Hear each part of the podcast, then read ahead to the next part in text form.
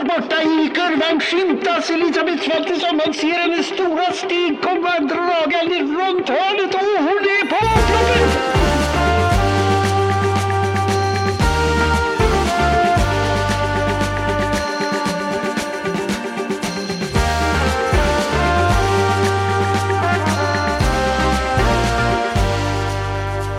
Dagen med stort B är här. Jag pratar såklart om budgetdagen när finansminister Elisabeth Svantesson ska bara, om bara några minuter tåga genom Drottninggatan med en lunta i famnen och fotograferna försöker ramla baklänges för att få den bästa bilden. Många är såklart sjukt exalterade, men fick vi veta någonting när budgeten presenterades som vi inte redan visste?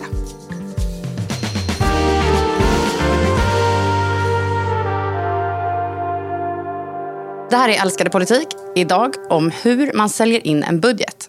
Jag heter Evelyn Jones och med mig har jag politikgänget Lina Lund. Hej. Och Thomas Ramberg. Hej.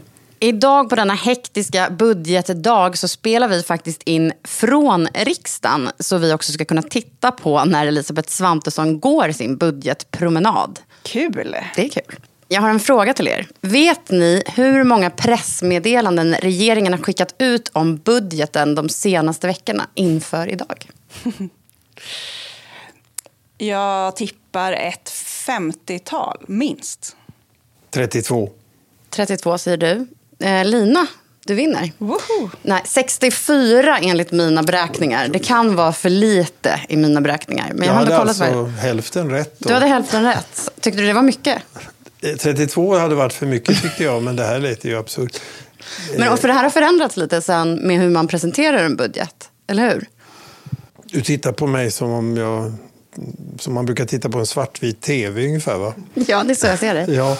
Eh, ja, du tänker kanske på hur det var, eh, inte då på Gunnar Sträng när han i svartvit tv som finansminister faktiskt eh, föreläste för svenska folket om statsverkspropositionen. Utan på 90-talet när jag fanns. Jo, men eh, jag kom, till exempel det här med att de släppte grejer i förväg och så, det fanns inte. Eh, Jag kommer ihåg eh, 94, bara för att eh, ta ett minne som dyker upp. Då, då lyckades jag med hjälp av någon som var inblandad i förhandlingar få eh, de vikt, finansplanen eh, till mig i ett kuvert eh, dagen innan och kunde berätta om det i lunchekot. Och radiochefen eh, gratulerade till denna fantastiska framgång att få reda på något i budgeten redan dagen före. Liksom. Men det som jag minns eh, mest är väl det här att det var på papper. Och det kunde ju ställa till problem. Ett vanligt st- ställe att lämna över hemligheter och möta hemliga källor och så, det var Café Gråmunken i Gamla stan som ligger nära riksdagshuset. Och då träffade jag en person som skulle lämna över. Och jag fick ett kuvert. Eh, Sen visade det sig när jag kom till riksdagskontoret att den där personen hade inte riktigt behärskat det där med kopieringsapparaten. Så att det var bara varannan sida. Det var sidan 1, 3, 5, 7. Ganska mycket som saknas i en budget då. Så du fick ändå lite överraskning när själva budgeten kom? Då? Ja, jag fick ju ganska roligt, men jag hade inte mycket att rapportera.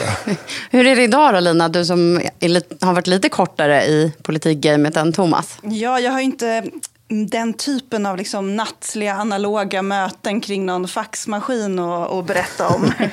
Ehm, Men man kan ju notera att det har varit ovanligt livat i telefonen så här i budgettider. Det liksom plingar och plångar i mobilen dagligen när pressekreterare hör av sig och vill sälja in olika budgetnyheter. Det kan handla om allt från pengar till skyddsrum till ett nytt cybercentrum till laddinfrastruktur. Det är dittan och dattan som portioneras ut. Och ofta kommer det här med någon sorts löfte om exklusivitet. Det är bara du som får det här. Och inte sällan är det kombinerat med någon sorts besök ute i verkligheten. Det kan vara något så exotiskt som ett äldreboende i Kungsängen eller ett skyddsrum någonstans i huvudstaden. Och jag tänker alla de här utspelen, det är nästan som att regeringen agerar som de tror att de vore ett rockband. Att man släpper liksom singel efter singel i hopp om att maximera antalet spelningar, antalet medieutrymme eh, istället för att bara dumpa albumet på en gång. Vilken låt var bäst då? Men kan vi sätta det här i någon slags kontext? Det är ju då men, över 60 pressmeddelanden. Det är smått och det är stort. Eh, mycket lanseras som satsningar. Satsningar på svensk hälso och sjukvård. Det berör eh, den kommande budgeten och satsningar på försvarsbudgeten. Gör en, en över tid förstås rekordartad satsning på rättsväsendet. Ett paket med nya åtgärder och satsningar för det kommande året. Men är det satsningar? Ja, men det gäller ju att hålla huvudet rätt kallt när den här floden av budgetutspel eh, väller fram. Det är ju liksom en statsbudget som uppgår till tror jag, över en biljon kronor i intäkter och utgifter. Alltså en, en summa som är svår att, att greppa släppa. Och alla de här utspelen gör ju att det är rätt svårt att få en överblick. Liksom. Det är generella statsbidrag hit, det är riktade satsningar dit, det är extra pengar i en omfattning som gör eh, även en hyfsad politikreporter mm. rätt snurrig i huvudet. En ganska vanlig luring är ju att man tar bort någonting som kostar pengar som, och så inför man något annat som man tycker är ideologiskt eh, bättre eller eh, billigare. Och så säger man nu satsar vi på det här men till exempel i naturvården så har man ju från vänsterregeringar och socialdemokratiska eh, hållet så har man eh, köpt in skog för att skydda skog och det kostar ju när staten ska köpa skog eh, som man inte vill ska avverkas. Eh, det där lägger man ner oftast från borgerligt styrda regeringar och så säger man nu satsar vi pengar på naturvård för att ge dem mindre pengar till de skogsägare som redan har skogen för att de ska eh, uppmuntras att sköta den skogen. Och då kallar man det en satsning fast det rent ekonomiskt är mindre pengar. Men det handlar ju om en ideologisk skillnad egentligen. Det där, redan där blev det snurrigt ja, för mig. Ja, visst, och det, arbetsmarknadspolitik är en annan. Det, det var något utspel häromdagen från arbetsmarknadsminister Johan Persson att nu satsar vi på det ena och det andra. Regeringen skär nu ner på arbetsmarknadspolitiken. Det brukar borgerliga regeringar göra ifrån socialdemokratiska. Eh, och då brukar man motivera det politiskt. Eh, och sen så kallar man det man gör istället, som är billigare, för en satsning. Så att ordet satsning är ju någon sorts nyspråk. Mm. Det, det, är liksom ett exempel på post-truth nästan. Så om man sammanfattar det, det här då, så är det så att egentligen är vissa satsningar förklädda neddragningar? Men SKR, ehm, arbetsgivarorganisationen för Sveriges kommuner och regioner, hö, alltid en högljudd röst i budgetsammanhang. De vill ofta ha mer pengar. Eh, deras chefsekonom Annika Wallenskog har formulerat det lite spetsigt tycker jag. Hon skriver att det är inte ovanligt att ett riktat bidrag avsett för ett visst ändamål ena året styrs om till ett annat ändamål nästa år innan arbetet med det som skulle göras från början är klart och då kallar man det för en ny satsning. Alltså att samma pengar används två gånger. Just det. Men hur, hur gör man då som vanlig medborgare och inte så inriktad på politik för att se igenom det här och se vad är en satsning, vad är inte en satsning. Hur skiljer man det här åt, Thomas? Det är ju väldigt svårt därför att eh, sen ganska länge, inte, inget unikt för den här regeringen, det är inte något unikt för den förra socialdemokratiskt ledda regeringen. Det inleddes eh, i stor skala redan under Fredrik Reinfeldts regering i början på det här seklet. Eh, det här med att man portionerar ut budgetnyheter kanske en om dagen i flera veckor före budgeten för att ge dem, då, eh, tror man, maximal uppmärksamhet. Och då vill man ju inte säga hur de förhåller sig till helheten. Om de betalas med en annan besparing, leder det här till att klimatutsläppen ökar eller minskar? Hur blir, eh, blir folk fattigare eller rikare när ni gör så här? Inga av de frågorna får man ju då svar på. Och det är ju, det är ju liksom förödmjukande för yrkeskåren att sitta och lyssna på detta. Men det är ju också eh, en sorts eh, eh, fördumning av de väljare som ska ta till sig de här eh, nyheterna och försöka förstå dem. Eh, och den är ju medveten förstås, därför att man får ju inte maximalt genomslag om man samtidigt berättar att ja, egentligen är det här en besparing. Men vi kan väl lyssna ändå, får jag säga. Jag har en viss irritation. Ja, eh, och, och jag tror att det här kommer att gå över eh, faktiskt, för att det har liksom nått vägs ände. För nu är det ju faktiskt så att regeringarna räknar ju ut saker och gör tabeller. Det står ju i den, de papper vi fick idag hur det blir med klimateffekten. Det står hur det blir med fördelningseffekten. Det står vem som betalar vad. Och att då stå och, och låtsas att man inte vet en vecka innan, det håller liksom inte i längden. Så jag tror att vi kanske har, kan se fram emot lite bättre tider.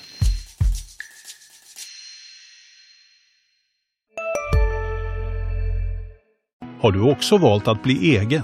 Då är det viktigt att skaffa en bra företagsförsäkring. Hos oss är alla småföretag stora och inga frågor för små. Swedeas företagsförsäkring är anpassad för mindre företag och täcker även sånt som din hemförsäkring inte täcker. Gå in på swedea.se företag och jämför själv. Alltså äter du i duschen? Nej, det gör jag verkligen inte. Men alla gör ju det nu. Duschsnacks, Frans. Vilka är alla? Ja, men alla på TikTok och bloggar och allt möjligt. Så det är, de har en tallrik i duschen och så är det lite så här oliver och ostbågar typ. Nej men gud, tapas. Där drar jag gränsen. Jag, jag kan sträcka mig till duschöl. Men annars så får man torka sig innan man hugger in på godsakerna. Ja, men lyssna på Nära vänner, en podd med mig Fanny och dig Frans med Expressen. Viktiga nyheter.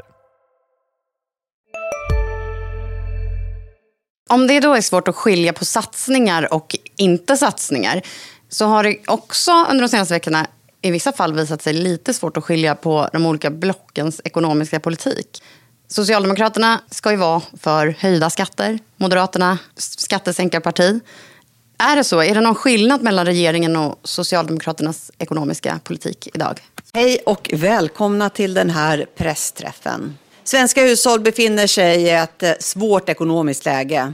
Socialdemokraterna gjorde ju en rätt speciell grej den här gången. Eh, och de la ju innan man fick veta vad regeringen ville göra med skatterna så föreslog Socialdemokraterna helt fräckt ett slags jobbskatteavdrag. Det har de aldrig gjort tidigare. De har alltid, när jobbskatteavdragen har kommit från regeringen, den, eh, från en högerregering, sagt det här gör man istället för att satsa på välfärden, det här gynnar de rika och vi är emot. Och sen så köper man det och, och står ut med det själv när man regerar. Nu var, gjorde man en så kallad frontförkortning. Mm. Vi ska inte bråka om de där jobbskatteavdragen i år vi föreslår ett själva. Det var ju liksom en chock för högersidan att Socialdemokraterna föreslår något sånt. Och sen, fronten är förkortad, vad är kvar? Jo, det man bråkar om nu är pengar till välfärden. Det är det Socialdemokraterna vill bråka om. Man vill inte bråka om om folk ska få lägre skatt, för den debatten förlorar man alltid. Lina, eh, regeringen lanserade ju att de inte höjer brytpunkten för statlig skatt, alltså gränsen för den inkomstnivån där man får betala statlig skatt. Och det här var inte ett helt poppis förslag från en eh, borgerlig regering va? Det var det verkligen inte. Alltså så här, en, en moderat som väcks mitt i natten ska ju kunna svara på frågan varför Moderaterna finns till. Och det är ju tudelat. Man ska ta makten från sossarna och man ska sänka skatterna. En har de lyckats med. En har de lyckats med, absolut. Och då när en moderat minister i praktiken höjer skatten för eh, höginkomsttagare så blir det ju ramaskri. Elisabeth Svantesson hade ju i praktiken kunnat se på när den automatiska höjningen av den här skiktgränsen som vi pratat så mycket om, alltså då man betalar statlig skatt, kickade in och vips hade hon fått en skattesänkning för de som tjänar över en viss nivå. Men nu grep ju hon in och stoppade stoppade den här höjningen, vilket gör att fler får betala skatt. Och det här var ju oförlåtligt, tyckte en rätt högljudd kör av moderata profiler. Det var MUF, det var Timbro, det var Alice Teodorescu Måwe som varit med och tagit fram idéprogrammet till Moderaterna. Det var tunga M-profiler i Stockholm. Eh, och de tyckte sig se hur man liksom rede ut Moderaternas själ. Eh, gå fram med en ekonomisk politik som osar sosseri. Och att Timbro och MUF var arga kanske inte förvånar någon. Det ligger liksom i deras arbetsbeskrivning. Men jag tycker det verkar som att Moderaterna tycks ha tagits lite på sängen av den här vreden. Att man kanske haft lite dålig fingertoppskänsla i de egna leden och inte i vilken perifer fråga som helst utan i själva partiets eh, hjärtefråga. Uträkningen var väl att man skulle eh, inte bråka med de här mellanväljarna som har viss förståelse då för Socialdemokraterna. Säg att i det här läget ska vi inte gynna höginkomsttagare, vi har så många problem, folk fattiga. Men bland kärnväljarna var det ju eh, en dolkstöt i ryggen. Sånt här gör bara sossar. Liksom. Och jag tror att det är ett problem på sikt också för eh, Moderaterna. Därför att tidigare har ju deras budskap alltid varit det här är automatik ni socialdemokrater ni hittar på saker som förstör skattesystemet. Det ska man inte göra. Det här ska alltid lyftas automatiskt och det är liksom inte något medvetet beslut som fattas. Det är för att skattesystemet ska bara omfatta en viss andel som betalar statlig skatt. Det måste vi slå vakt om. Men nu har man ju själv öppnat den dörren då. Och det är ju inte första gången det görs. Socialdemokraterna har gjort det två gånger redan när de har suttit i regeringsställning. Så att nu blir det liksom varje år en diskussion om ska vi låta skiktgränsen höjas eller inte. Men och och den diskussionen vill man ju inte ha från höger. Så att där har man kanske lite grann fällt sina egna ben eller vad det heter. Mm. Men man räddade inte det här av att man sen då kom med att man ändå kommer med ett jobbskatteavdrag strax efter? Ja, men det här med skiktgränsen lanserade man ju smart nog apropå hur man portionerar ut nyheterna mm. på en söndag. Många hade tagit lite semester, redaktionerna gick på sparlåga. Eh, folk hade annat för sig än att uppröra sig över ännu ett budgetutspel. Och sen på måndagen morgonen efter presenterar man det här åttonde är det väl, jobbskatteavdraget i mm. ordningen och hoppas att det ska liksom släta över eh, skiktgränsen. De går ungefär ett ut. Det blir jobbskatteavdraget är något mindre. Och man hänvisade ju då till att det var så hög eh, höjning av skiktgränsen förra året. Eh, men eh, summan av kardemumman då, för att gå tillbaka till frågan om skillnader mellan, mm. det är ju att man gör ett jobbskatteavdrag, precis som Socialdemokraterna ville göra. Man höjer inte skiktgränsen, precis som Socialdemokraterna inte ville göra. Och det är ju det som gör de här Moderaterna nervösa. Fan, det här är ju vår viktigaste stridsfråga i politiken som vi alltid vinner på. Och nu är det ingen skillnad. Och då har ju Socialdemokraterna lyckats med sitt spel där att det ska handla om välfärdspengarna, inte om skatterna. Men en skillnad som regeringen klamrar sig fast i är ju att de får igenom sin budget genom riksdagen. Eh, vilket eh, S-regeringen ju inte alltid fick utan tvingades styra på oppositionens budget. En tröst här är, för de som har lite mer pengar är ju dock att man förbättrade nivåerna i rutavdraget och rotavdraget. Så att har man råd att bygga om hemma eller så där, trots de här dyrtiderna, då har man fått det lite bättre. Eh, nu måste vi pausa här för nu hör jag att Elisabeth Svantesson är på väg på sin budgetvandring. Ja, ja men här ser man ju faktiskt det. Och där står de och väntar och vakten håller i dem. Ja. Ja, men alltså, de här budgetvandringarna har ju blivit roligare sedan man började gå med ett ton trycksaker igen. Ett tag hade, jag tror det var Per Nuder och några socialdemokratiska finansministrar för sig att de ska verka så hyggligt moderna. Alltså, först gick man med en CD-ROM. Det, var det känns ju, så old school Ja, du vet, ja, och ryggen gjorde ju inte det minsta ont. Och sen till och med något år var det en sån här sticka är det någon som använder sådana nu för tiden? De var i alla fall state of the art. Och, och den syntes ju inte på bild knappt. Men vad väger luntan egentligen? Det är några kilo. 8,2. 8,2 kilo. Det sa faktiskt Svantesson på eh, budgetpresskonferensen idag. Och så, ja, och så tillade hon med ett varumärke var hon tränade. Så det gick ut till, eh, i alla direktsändningar, detta varumärke. Du får ju denna... säga det nu, du är inte på SL längre. Eh, nej, men jag tänker inte säga det i alla fall. Några principer måste man väl ha kvar även om man har sålt sig till kapitalet. Nu kommer en cyklande polis. Det kan betyda något. Här kommer segway-poliserna. Då är det på gång. ja, men jag ser henne.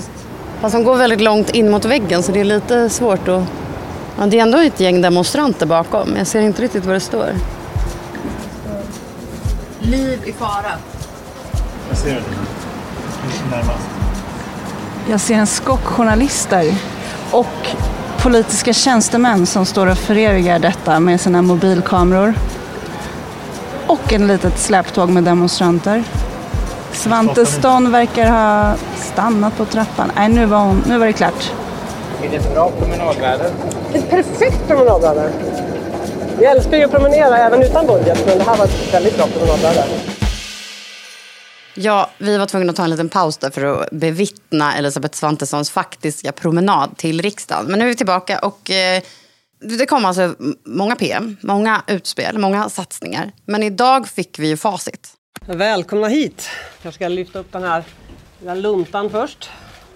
8,4 kilo säger de. Hur man tränar på Friskis. Budgeten finns, uträkningarna finns. Var det någonting då, trots att vi visste så mycket redan innan, som överraskade? Överraska är väl inte ordet, men det, det fanns väl en, eh, en besparing som vi inte kände till och det handlar om att man kör en osthyvel över alla statliga myndigheter utom rättsväsende och försvar, vilket ju inte är något litet undantag för de får väldigt mycket pengar. Mm. Alla andra ska spara en procent på allting. Det kan ju låta ganska lite men eh, det är rätt mycket om man har en myndighet och en massa folk anställda och omkostnader och sådär, att det ska skäras.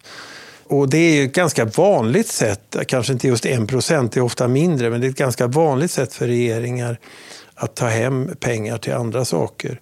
Att ha en ständigt pågående, som man kallar det, effektivisering av den statliga förvaltningen. Då. Man lägger helt enkelt på cheferna längre ner att fixa det där. Just det. Men hur ska man då förstå den här budgeten i sin helhet? Det är ju lite av dystergökens manifest. Vi har ju hört Elisabeth Svantesson här under lång tid upprepa det här mantrat med det är inflation, det är inflation, det är inflation. Det är ekonomisk vinter. Det är ekonomisk vinter, läget är nattsvart, sa hon på presskonferensen i morse. Men budgeten är ju stram, det är sparsmakat, det är utan visioner, det är inga familjeveckor, det är inget lullull, inga utsvävningar. Eh, Staten ska klara sina kärnutgifter. Det är försvarets, rättsväsendet och välfärden. Hushållen ska avlastas lite grann i en svår tid. En sorts snåljåpsbudget utan eh, drömmar. Men budgeten är ju ändå på ja, en biljon kronor. Var kommer de här pengarna ifrån? Ja, det är intressant för att eh, i Sverige så har vi för det första då ett skattesystem som gör att du, eh, du märker egentligen inte att du betalar mer skatt när du får lite högre lön. Eh, det är ju källskatt så att eh, arbetsgivaren drar det. Det är arbetsgivaravgifter som du inte heller ser på din sedel. Vad heter det? Lönebesked? Ja, lönebesked. ja, men så, så, så fort ekonomin växer det minsta eller lönerna ökar det minsta så ökar skatteintäkterna automatiskt. Det ger eh, ju pengar. Eh, det, men det skulle inte ge pengar till staten om det inte var så att samtidigt vissa utgifter inte ökade i samma takt. Mm. Och dit hör sånt där som a-kassan. Mm. Den här regeringen eh, pratar ju gärna om hur hög a-kassan är. Men den är precis lika hög i kronor som när regeringen tog över. Och med den inflation vi har haft sedan den här regeringen tog över så handlar ju det om hundralappar i försämrad köpkraft för den som har a-kassa. Så där har ju regering, då staten gjort en förtjänst. Likadant med barnbidragen, de står still i kronor räknat. Där gör regeringen en förtjänst. Det finns socialförsäkringar där man har ett tak och så vidare. Och det där samlar ihop sig till det man kallar budgetutrymme sen. Så lite grann är det ett sken. Det handlar egentligen bara om att man automatiskt får inkomster och automatiskt begränsar utgifter. Och då blir det ett glapp där regeringen kan vara jultomt och säga titta vad snälla vi är, nu satsar vi på det här. Och det är det man kallar reformutrymme? Ja, men samtidigt, ja, reform är ju också ett begrepp som vi kan ha en egen podd om. men det jag skulle säga var att eh, om det är så att de säger ja men i år är det precis 40 miljarder vi anser är den riktiga avvägningen för att inte öka inflationen för mycket eh, och att vi ska få kommunerna att behålla välfärden och allt det där. Då ska man ha ett kraftigt filter där man tänker, ett kritikfilter där man tänker regeringen har bestämt att den anser att det här är budgetutrymme. Det är inte matematik, det är inget som någon har liksom bara räknat ut ifrån praktiska fakta, utan det är helt enkelt en Ja, vi ska ha ett litet överskott för annars kommer ekonomerna att säga att vi driver på inflationen. Eh, kommunerna säger att de behöver 30 miljarder i år. Ja, men då ger vi dem hälften så får de själva sköta resten av besparingen. Så att alltihop är i grunden politik. Mm. Men man vill gärna framställa det som kalla siffror som liksom är någon sorts, det finns någon sorts vetenskap, någon sorts matematik bakom.